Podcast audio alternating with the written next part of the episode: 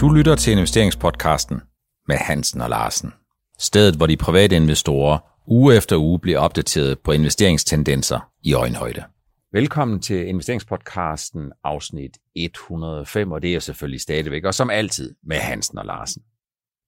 Jeg har kaldt afsnittet, vi har kaldt afsnittet Putin eller Paul, et valg mellem pest eller kolera, det kommer vi meget mere ind på. Vi skal snakke om Rusland, som startede den her uge med at skræmme investorerne. Ja, amerikanerne de blev faktisk allerede opskræmt sidste fredag, hvor de sagde, at det var umiddelbart forestående, at øh, russerne ville gå ind i Ukraine, og det havde selvfølgelig i fredags en effekt på aktiemarkedet. Det havde det også i starten af den her uge.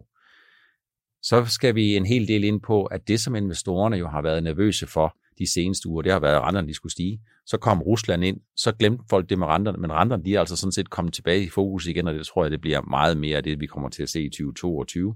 Der har vi fået et super godt lytterspørgsmål. Noget af det, som vi var inde på i sidste uge, det var jo, hvis den amerikanske centralbank, de skal hæve renten med syv gange svarende til, de skal hæve den med 0,25. På samtlige syv af de møder, der ordner tilbage, vil det så ikke få US dollar til at eksplodere opad og det kommer vi meget mere ind på. Vi har snakket om det allerede. Og sidst men ikke mindst, jamen så skal vi jo igennem karakterbogen. Karakterbogen for de største danske C25-selskaber, som har aflagt regnskaber, og der er altså god grund til at glæde sig i toppen, og der er god grund til at have meget ondt i maven, hvis det er sådan, at man er tæt på at glide helt ud af skalaen. Det er der faktisk et enkelt selskab der. Rusland helge. Rusland skræmmer investorerne. Amerikanerne sagde i fredags, at øh, det var et spørgsmål om tid, før Rusland skulle til at invadere Ukraine. De amerikanske indeks faldt med 2,5-3% i fredags. Det startede rigtig negativt ud mandag. Men her onsdag, og husk nu på, at vi optager jo onsdag forud for udsendt torsdag, der er der ikke rigtig sket noget. Det er ikke rigtig som om, at der har været væsentligt flere russere, som er gået over stregen over grænsen. Hvad, hvad skal vi tro på? Ja, altså, Putin er jo ude og melde, at man har trukket nogen tilbage, nogle soldater tilbage på grund af, at deres øvelse er slut. Mm. Og øh, det vælger jo markedet jo at tage meget, meget positivt. Det synes jeg, at fra, fra det øjeblik, meldingen kom i går tirsdag, øh, så, så, så vendte øh, de røde tal sig og blev lidt mere positiv farve. Ikke? Mm. Øh, nu må vi se, Altså det, jeg vil sige, det der skakspil, storpolitiske skakspil, der, øh, som, som russerne er, er mestre i, altså det der, de kamuflerer tingene, og de taler ikke lige ud af posen. Og når man taler lige ud af posen, som Putin gør, så siger han, så vi, vi er positiv over for at få løst denne krise. Og så sidder man og tænker, den krise, det er dig, der er, krig. det er dig, der er ophavsmænd til det her, mm. ved at stille 150.000 soldater lige op ad grænsen til Ukraine. Ikke? Man kan vel så set godt forstå, at ukrainerne de bliver nervøse, men i virkeligheden så får man måske indtryk af, at det er ikke ukrainerne, som er mest nervøse, men det er måske mere NATO-alliancen eller USA eller nogle andre i NATO-alliancen, som udtrykker nervøsitet, for jeg synes, jeg har fået med mig, at ukrainerne de siger, det nytter sådan set ikke, hvis alle dem, der er rundt omkring os uden for Rusland, de panikker nu. Ja, det er rigtigt, og jeg har nogle bekendte, som øh, bor og arbejder i Ukraine, og de siger, jamen vi, vi har jo, det hørte jeg faktisk også på tv i morges, at vi har jo været i krig siden 2014. Så det her er jo ikke noget nyt for, for os, det her med, at der er trusler langs vores grænse. Så øhm, jamen, de tager det roligt, og der var valentinsdag, det gik jo sådan, folk gik rundt på gaderne, og man tog sig ikke de der bekymringer så nært åbenbart, når, når man er ukrainer. Men det gør, kan man sige, amerikanerne, der opfordrer, at deres personel skal forlade landet, og der er også mange europæiske lande, der gør det samme. Hvis vi for en stund, Helge, lige øh, kommer tilbage til 2014, læren fra 2014, det var der, hvor Putin ligesom sagde, i 1991, så eksploderede øh, Sovjetunionen, eller Sovjetunionen blev opløst, og det var også der, hvor Ukraine fik sin selvstændighed, men i 2014, jamen der tog øh, Rusland vel en del af Ukraine, Krimhalvøen, tilbage. På det tidspunkt, så sker der det, der kommer sanktioner, der kommer restriktioner, øh, og så sker der det, at det er jo de europæiske aktiver, som får på hattepoolen, det er de tyske aktier, der falder, det er de danske aktier, der kører lidt med ned. Det er i det hele taget Europa som en negativt fokus. Det er vel meget naturligt, fordi krisen er i Europas baghave, er det ikke det? Eller i selve Europa? Fuldstændig naturligt.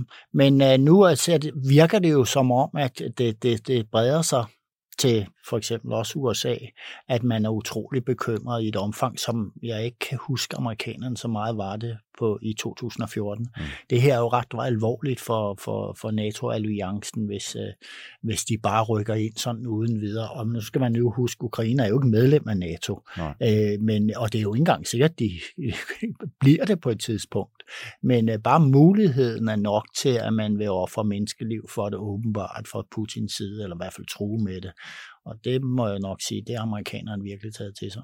Det er vel meget naturligt, at investorerne de reagerer ved at sende oliepriserne op. Det er vel meget naturligt, at de reagerer nervøsitet, nervøst med at sende gaspriserne op, fordi øh, det er jo øh, Rusland, som er en af verdens tre største olie- og gasproducenter.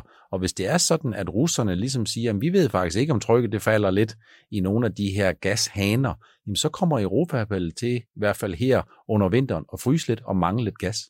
Ja, det var også det, vi så i 2014, hvor de begyndte at fryse i Ukraine. Der lukkede man jo ind til øh, Ukraine. Ikke? Så, mm.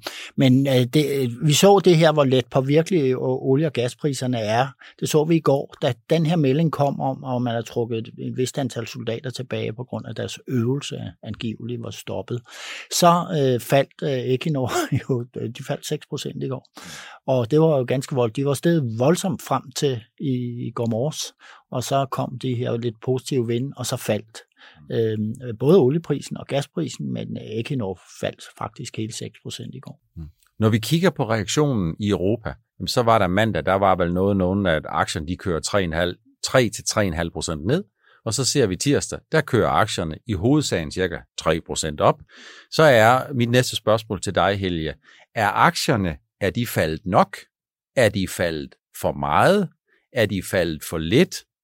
Eller hvad er egentlig op og ned på de her bevægelser, hvor man jo kan sige frem og tilbage, det er næsten lige langt? Ja, man nu skal huske, når man falder 3%, så, er, er der, så skal man stige med, med lidt mere end 3%, for sådan er det jo ikke. Matematisk er korrekt. Ja, ja. ja. Men det, det, jeg vil sige, man kan ikke stille det spørgsmål, om aktierne er faldet for meget eller for lidt, fordi de er faldet det, som markedet indikerer, de skal. Så, så det der spørgsmål, det er svært. altså, jeg må sige, jamen, det markedet har ret. Hmm. Et, øh, risikovurderingen, den er sådan og sådan, og det er det, der, der, vi er havne. Og jeg vil da tro, der vil være pæne stigninger, hvis ikke øh, det der rente halløj, vi nu lige ser udspille sig, og så skal vi huske, der er et møde i eftermiddag, som øh, vi måske lige kan snakke lidt om, også her i næste afsnit. Men øh, øh hvis ikke det, det sådan giver panik, mm. så tror jeg, der er lidt stigninger, hvis, hvis der kommer mere ro på det i Ukraine. Men tror du isoleret set, Helge, tror du, at den risikopåvirkning, der kommer fra Ruslands Ukraine, at den er blevet indpriset i markedet nu? Øh, nej, det tror jeg faktisk ikke. Altså, hvis, hvis der skal jo bare fyres en granater mm. over grænsen der, mm. ikke? Og der, tænk, og der tænker du ikke på en af de 400 stingermissiler, som danskerne åbenbart har tilbudt at bruge, også selvom de har fundet ud af... Jamen, de virker jo ikke. Per. De virker ikke? Nej. Nej, okay. Øh, så man kan sige, øh, jeg tror, at øh, det her Ukraine her og nu, der tror jeg faktisk, at det har, øh, hvad skal man sige, det har cementeret sig. Det, vi har fået det indtryk, vi skal, men jeg er ikke sikker på, at vi har hørt det sidste, hverken fra Ukraine og især ikke fra Putin endnu. Jeg tror, man kommer til at lave en langsigtsløsning, hvor man skal finde ud af, om Rusland skal være vejet på Krim, og om ikke Rusland på en eller anden måde øh, kommer til at overtage en del af Øst-Ukraine, hvor der jo bor rigtig mange som er rusk russisk sindet, og det tror jeg, det bliver en del af løsningen. Men jeg tror desværre ikke, vi har hørt det sidste fra det her endnu. Altså problemet for, for Putin med at lave de her løsninger, som du skitserer her, med de overtager noget og sådan, og det skal handles ind, det kan jo være, at jamen, prisen er så, at vi må afstå for, og, eller, vi må, eller vi må ligesom acceptere Ukraine. Øh, hovedlandet er som, at det er selvstændigt. Ja. Det er jo ligesom det, han prøver at beklikke. Ikke? Mm. Så, så, så, så, så det, det bliver en lang forhandlingssituation, tror jeg, omkring alt det her. Investorerne, de ser det her lidt som Putin eller Paul, tror jeg, pest eller kolera, fordi for et par uger siden, der var det jo sådan, at investorerne de har fuld fokus på de renteforholdelser, øh, som der formentlig kommer øh, i løbet af 2022. Så kom Ukraine og Rusland ind fra siden, så falder renterne lidt, så bliver man nervøse over Rusland og Ukraine. Men det, der er sket her onsdag, forud for torsdag, hvor vi udsender, det er sådan set, at renterne, de amerikanske renter, de kravler op igen, og nu har vi et 10-årigt niveau på 2,05 cirka. Øh, er det ikke bare et udtryk for, Helge, at den rentefrygt, den renterisiko, som investorerne var meget fokuseret på i sidste uge, som forsvandt som duk for solen i et par dage, den vender tilbage, og den vil blive ved med at holde investorerne i et vist form for et jerngreb, indtil vi får mere farve på, hvad det er, Federal Reserve de agter at gøre. Ja, det var det, det, vi har, det har vi jo snakket om i et par udsendelser nu, ikke? Altså, hvordan og hvorledes. Og der synes jeg, at øh, vi sådan var enige om, at vi skulle over til det der møde i marts, for ligesom mm. at måske for at se, jamen, hvad er køreplanen for det her. Øhm, vi har jo haft pænt store fald på, på, på, på aktierne, og så ja, generelt på indeks jo, har det, det har næsten været følgen. Ikke? Så øh, det spørgsmålet, hvor mange om det er syv eller fire eller fem, hmm. som er priset ind allerede. Altså jeg tror, at rentefrygten vender tilbage igen, men, men vi ved af erfaring, at når der er déjà vu, touché, når noget kommer tilbage, så har det ikke helt den samme nyhedsspredende øh, effekt, og det vil sige, den der risikoeffekt, den har, når man lige oplever noget, som er uventet, som kursfald og us- øh, usikkerhed jo altid er, øh, uventede gæster og uvelkomne gæster, så ved vi, når der er déjà vu, så sker det ikke helt med den samme kraft som tidligere, fordi investorerne har en tendens til at sige, at vi har set det før. Men Fed har jo et lukket møde. De øh, startede et lukket møde mandag. Øh, kan man forestille sig, at konsekvensen eller konklusionen på det her lukkede møde, det i virkeligheden er, om Federal Reserve overvejer at hæve renten uden for det næste møde, det vil sige før det næste møde i marts, eller om de lige har haft brug for at samles i et lukket møde, øh, og så ligesom skal sige, kan videre, om vi skal skyde 50 basispunkter af for at starte. Ja, det kan jeg ikke rigtig vurdere, Per. Altså et eller andet sted kan de jo også tænke, at når ja, men nu har, har, nu har og man må sige, at de skal jo ikke tage hensyn til aktiemarkedet, men det gør de jo. Mm. Ikke? Og det, det kan jo godt være, at de tænker, nu, skal, ah, nu må vi lige have det holdt lidt ro, og så tage det som det, som man alle forventer, at det bliver til marts, man begynder på det der. Øh, det tror jeg nok er mere sandsynligt, men altså, det vil, det vil være en hård en for aktiemarkedet, hvis de kommer ud og melder, at de tager noget inden marts. Mm. Der findes jo sådan et udtryk, Helge, i aktiemarkedet, der hedder the Powell put, nemlig altså opfattelsen af, at den amerikanske centralbank har den ultimative hånd, som de kan holde under, under, ja, ja. under investorerne, under økonomien og under markedet, hvis det er sådan, det bliver, bliver for nervøst. Men altså, 5 til syv renteforholdelser, Helge, der kan jeg ikke rigtig se, at aktiemarkedet har en fornemmelse for, at Paul han har en put-option øh, som investoren de kan føle sig trygge ved. Nej, det kan du godt have ret i, men øh, jeg, jeg vil sige, det, det jeg hører ligesom på de der platforme, jeg, jeg kommer rundt på i hverdagen, det er sådan, ja, nu har vi hørt at om de renter, der kommer nu. Mm. Skal vi så ikke se at komme videre? Mm. Og det, det er for, både, for alle typer investorer, øh, store som små, som jeg, jeg har i mit netværk. Ikke? Ja, lad os se at komme frem efter. Mm. Altså, det kan godt være, at renten stiger, men vi har prøvet det der med høje renter før. Mm. Men det, det, det tror jeg jo er rigtigt, og jeg håber også, at det er rigtigt. Jeg er ikke sikker på, at øh, man kan tillade sig investeringsmæssigt at have helt så nonchalant en holdning. Det er rigtigt, at renterne stiger af de rigtige årsager i den forstand, at det er jo fordi, der er fremdrift i økonomien. Det, som er lidt øh, den negative icing on the cake, det er jo, det er nogle prisstigninger, som stikker en hel del mere af, svarende til renteniveauerne og svarer til realrenter, som jo stadigvæk ser meget mærkeligt ud. Som vi snakker om i sidste uge, at det, at det nok med de her rentestigninger her, får vi øh, bugt med inflationen på grund af det. Mm. Og det må, det må man sige, det må tiden jo vise. Altså noget af det, som jeg er øh, måske, jeg er både på den ene side lidt nervøs over, men som jeg faktisk også er lidt opmuntret over, det er jo, at der er nogle af de her stigninger, som øh, jo øh, matematisk vil være kortvarige, når man finder, hvis, når man kigger på energipriserne og ting og sager. For på et eller andet tidspunkt, så når man et niveau, og når man så når det niveau, så stiger energipriserne ikke mere, eller stiger med aftagende hastighed, og det vil i sig selv være med til at trykke inflationen lidt, lidt ned. Øh, det, det, er sådan, øh, det er jeg faktisk ikke så nervøs for. Men noget af det, som jeg godt kunne blive lidt nervøs for, det er jo, at det amerikanske arbejdsmarked har en beskaffenhed, hvor det ser ud som om, at i takt med, at der bliver flere jobs, der bliver muligt at besætte, så siger amerikanerne egentlig, at det er vi faktisk ikke så interesseret i. Og det er jo ikke noget, pengepolitikken kan gøre noget særligt ved, øh, med mindre at man synes, det er en mega god idé, at man skal slå efterspørgselen ihjel med højere renter. Det er altså ikke super positivt for aktierne. Nej, det er ikke godt, og det, og det der, hvis vi lige er, ser så et scenarie her, hvor vi har, har høje priser, øh, øh vi har for høje renter, og, og guddømme, så falder vores vækst. At det er jo en rigtig, rigtig usund og giftig kombination i økonomien. Ikke? Så.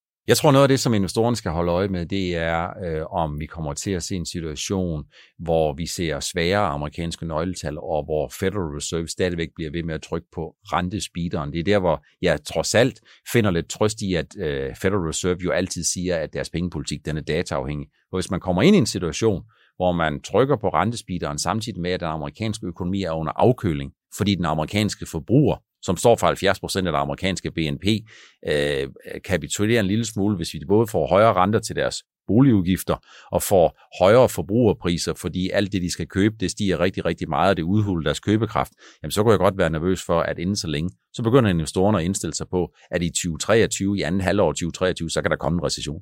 Ja, det er stagflation, altså der er jo ikke noget værre end en stagnation i økonomien, og så øh, inflation samtidig. Ja. Oh, her. Nej det har i verdenshistorien været det, der har ført til de store krak. Det skal vi helst ikke have så meget af. Jeg synes, der er alle mulige gode grunde til at følge lidt ekstraordinært meget med i nyhedsstrømmen, holde øje med dollarudvikling, 10-årige amerikanske renter, udtalelse fra Federal Reserve og ikke mindst reaktionerne fra investorerne på det, der kommer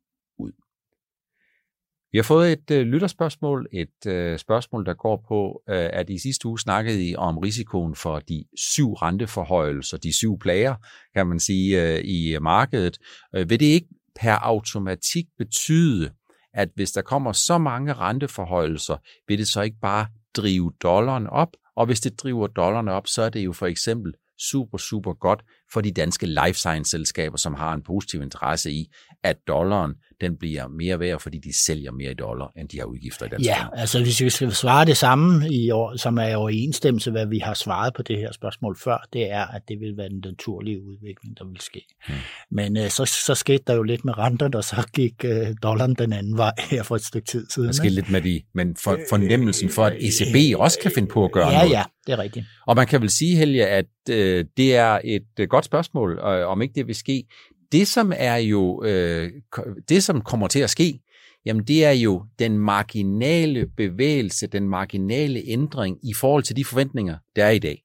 Lad os prøve at udtrykke det sådan helt kon- konkret. Hvis det er sådan, at dollaren, som hedder 6,55 over for danske kroner, hvis der er sådan, at investorerne har indstillet sig på, at der kommer 4-5 renteforhøjelser, og måske en eller måske ingen fra ECB. Så det, der bevæger renten, det, der bevæger dollaren, det er jo den marginale ændring i forholdet mellem flere renteforhøjelser i USA relativt til flere renteforhøjelser i Europa. Det vil sige, det er et relativt forhold. Skal man gå fra 5 til 7 i USA, jamen så er det ikke sikkert, det isoleret set får dollaren til at eksplodere opad, hvis det er sådan, man lige pludselig forventer tre eller flere renteforhøjelser i Europa. Så det er vel det, man skal holde øje med. Det er det relative forhold mellem, hvor meget ekstra skal de amerikanske renter op i forhold til det, der allerede er diskonteret ind, det, der allerede er forventet, det som forwardkurven allerede ud afspejler, og hvor meget forventer man ekstra, at ECB eventuelt kan finde på at gøre. Jamen det er præcis det, og det var jo også det, vi så her den sidste gang, hvor, hvor euro, euroen ud sig ind på, på dollaren her. Mm. Det var der, hvor Lagarde jo for anden gang kom til at udtrykke sig lidt tvetydigt. Hun er ikke en mega skær, skarp kommunikator. Hun har gjort det der tidligere, og så har det sådan en, en, en påvirkning på risikopræmien, og så bliver der glattet lidt ud, og nå, jeg mener, det er heller ikke så voldsomt. Men det er jo et destabiliserende element, når det er sådan, man har Europas mægtigste pengepolitiske person, som ikke helt forstår de kommunikative og forventningsstyrende spilleregler. Er det ikke helge? Jo, det har man set. Det har vi jo også haft centralbankchefer øh, i USA, som for det, uha, hvad var det vi egentlig talt, vi sagde her, ikke? og finansminister, ikke? Det, det, jamen, jeg ved ikke, hvad jeg skal sige til det. Altså, man skal have tungen lige i munden, når man sidder på den post. Man skal huske på, at investorerne de løber på hele og halve chancer, som det jo også øh, gælder og gør sig gældende i sportsverdenen og ikke mindst fodboldhelger. Hvis man ikke løber på nogen af chancerne, jamen så er der, øh, øh, så skal man måske til at indstille sig på, at der kun er nul tilbage for en selv. Vi skal til at konkludere lidt på de danske regnskaber. Gå ind og læs øh, en lille smule om det, hvis I har lyst til det. Som altid er det sådan, at jeg jo skriver ind på Nordnet-bloggen, øh, når jeg konkluderer på øh, de danske regnskaber, og jeg udgiver min karakterbog. Jeg vil tillade mig at sige, Helge, selvom jeg ikke, vi ikke har fået alle regnskaber nu, det har været en øh, ganske udmærket regnskabssæson. Det må jeg sige. Altså, det, jeg, jeg havde en lille øh, snak om det i, i sidste uge kommentar inde på ProInvestor. Mm. Det her, hvad, hvad, hvad var det, der var fælles ved de her regnskaber? Det var jo den her covid-påvirkning og priser og alt det her, man kunne forvente sig i 22. Mm.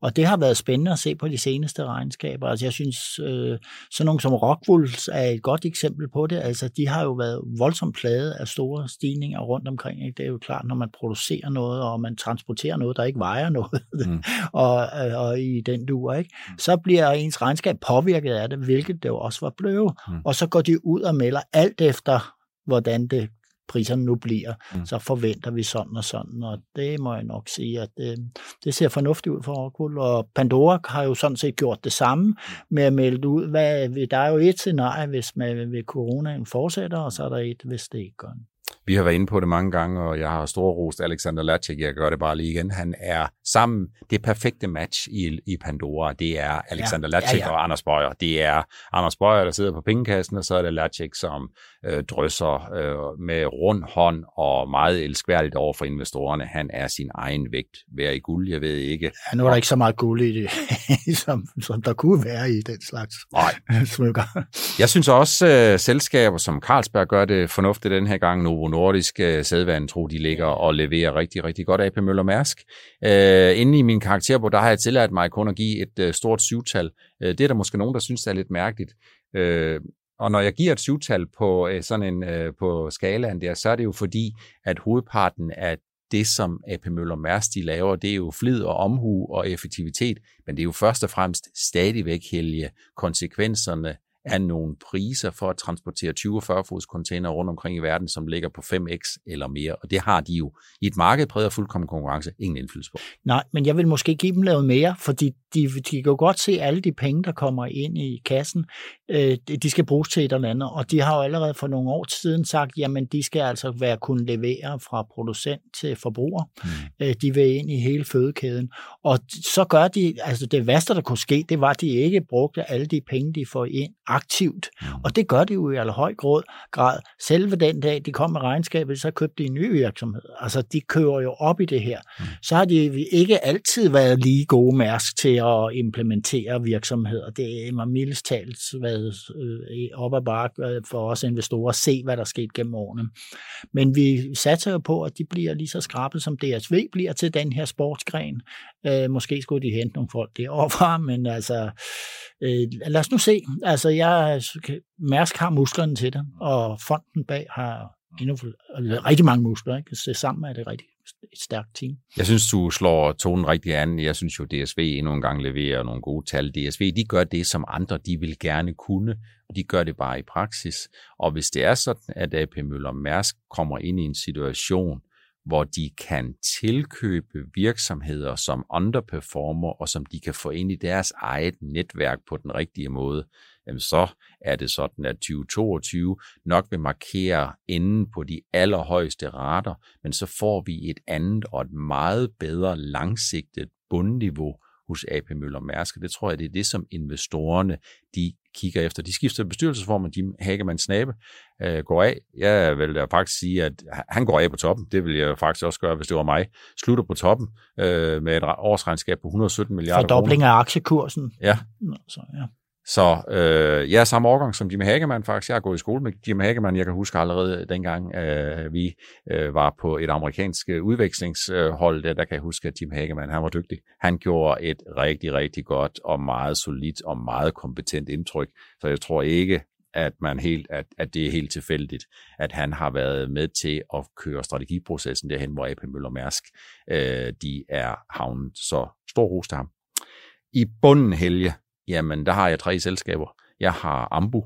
Ambu, de har jo lavet den øh, øh tredje nedpræcisering. Uh, jeg tænker, at investorerne, de spørger sig selv, det her store insiderkøb øh, fra Gonzales på 26 millioner, hvad bliver der af det? Det er den første ting, jeg tænker. Den anden, det er Netcompany. De skuffer. Øh, deres vækststjerne, den, den blegner lidt, og investorerne er nervøse for, om de både kan vokse organisk og akquisitivt. Så, men det er ikke sådan rigtig nyheden. Men der, hvor jeg synes, det gør rigtig ondt på investorerne, det er Lundbæk. Uha. Ja, den er styk, og jeg, jeg har sådan en Lundbæk-gruppe øh, inde på Facebook, og ah, jeg kan altså ikke, jeg, kan, jeg skal langt tilbage, før jeg kan se noget som helst positivt indlæg fra investorerne. Ja, jeg, jeg synes, det er ærgerligt, den der måde, man behandler Lundbæks ejere på. Altså for det virker jo som en outsider, som om, at det, der betyder noget for Lundbæk, det er Lundbækfonden, og de 31 procent af Lundbæk, som Lundbæk ikke ejer, det er sådan det lidt ligegyldigt. Øh, aktiekursen er faldet med til en tredjedel, ikke med en tredjedel. Og øh, Lundbæks svar på det, det er jo så, nu vil de så dele øh, aktierne op i stemmesvage og stemmetunge aktier, så vil de købe op. Men det med at købe op, Helge, en stærk virksomhed, de køber jo op ud fra et stærkt udgangspunkt, og det her, det er jo en understregning af, at deres pipeline, den er for svag, og man har været for svag til at udvikle pipeline. Ja, altså hvis man øh, har et svagt udgangspunkt, også øh, kan vi sige aktiekursmæssigt, så så vil jeg så sige, det her med opkøb, ja, man skal, så skal man jo have nogle, øh, nogle, nogle stifinder eller nogen der derude, der kan ligge og snuse op, hvor der er noget at købe. Og jamen, i, hvad har den nu siddende øh, direktør og så øh, bestyrelses lave i, i de senere år? Mm. Jamen, er der kommet nogle øh, opkøb, der kan ændre på det vækstbillede, man ser, og udvikling i Lundbæk? Det er der ikke. Og hvis de skal fortsætte den, det samme folk nu efter det her, mm.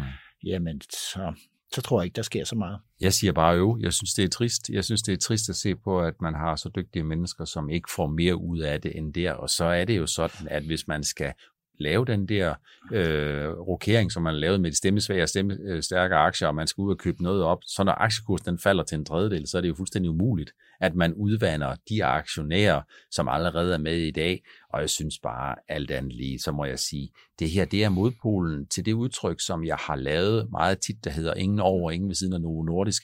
Her vil jeg altså tillade mig at sige, ingen under og ingen ved siden af Lundbæk. Der er masser af muligheder for en frisk start, begynde på ny, men de er nødt til at ændre deres opfattelse af tingene. Helt enig.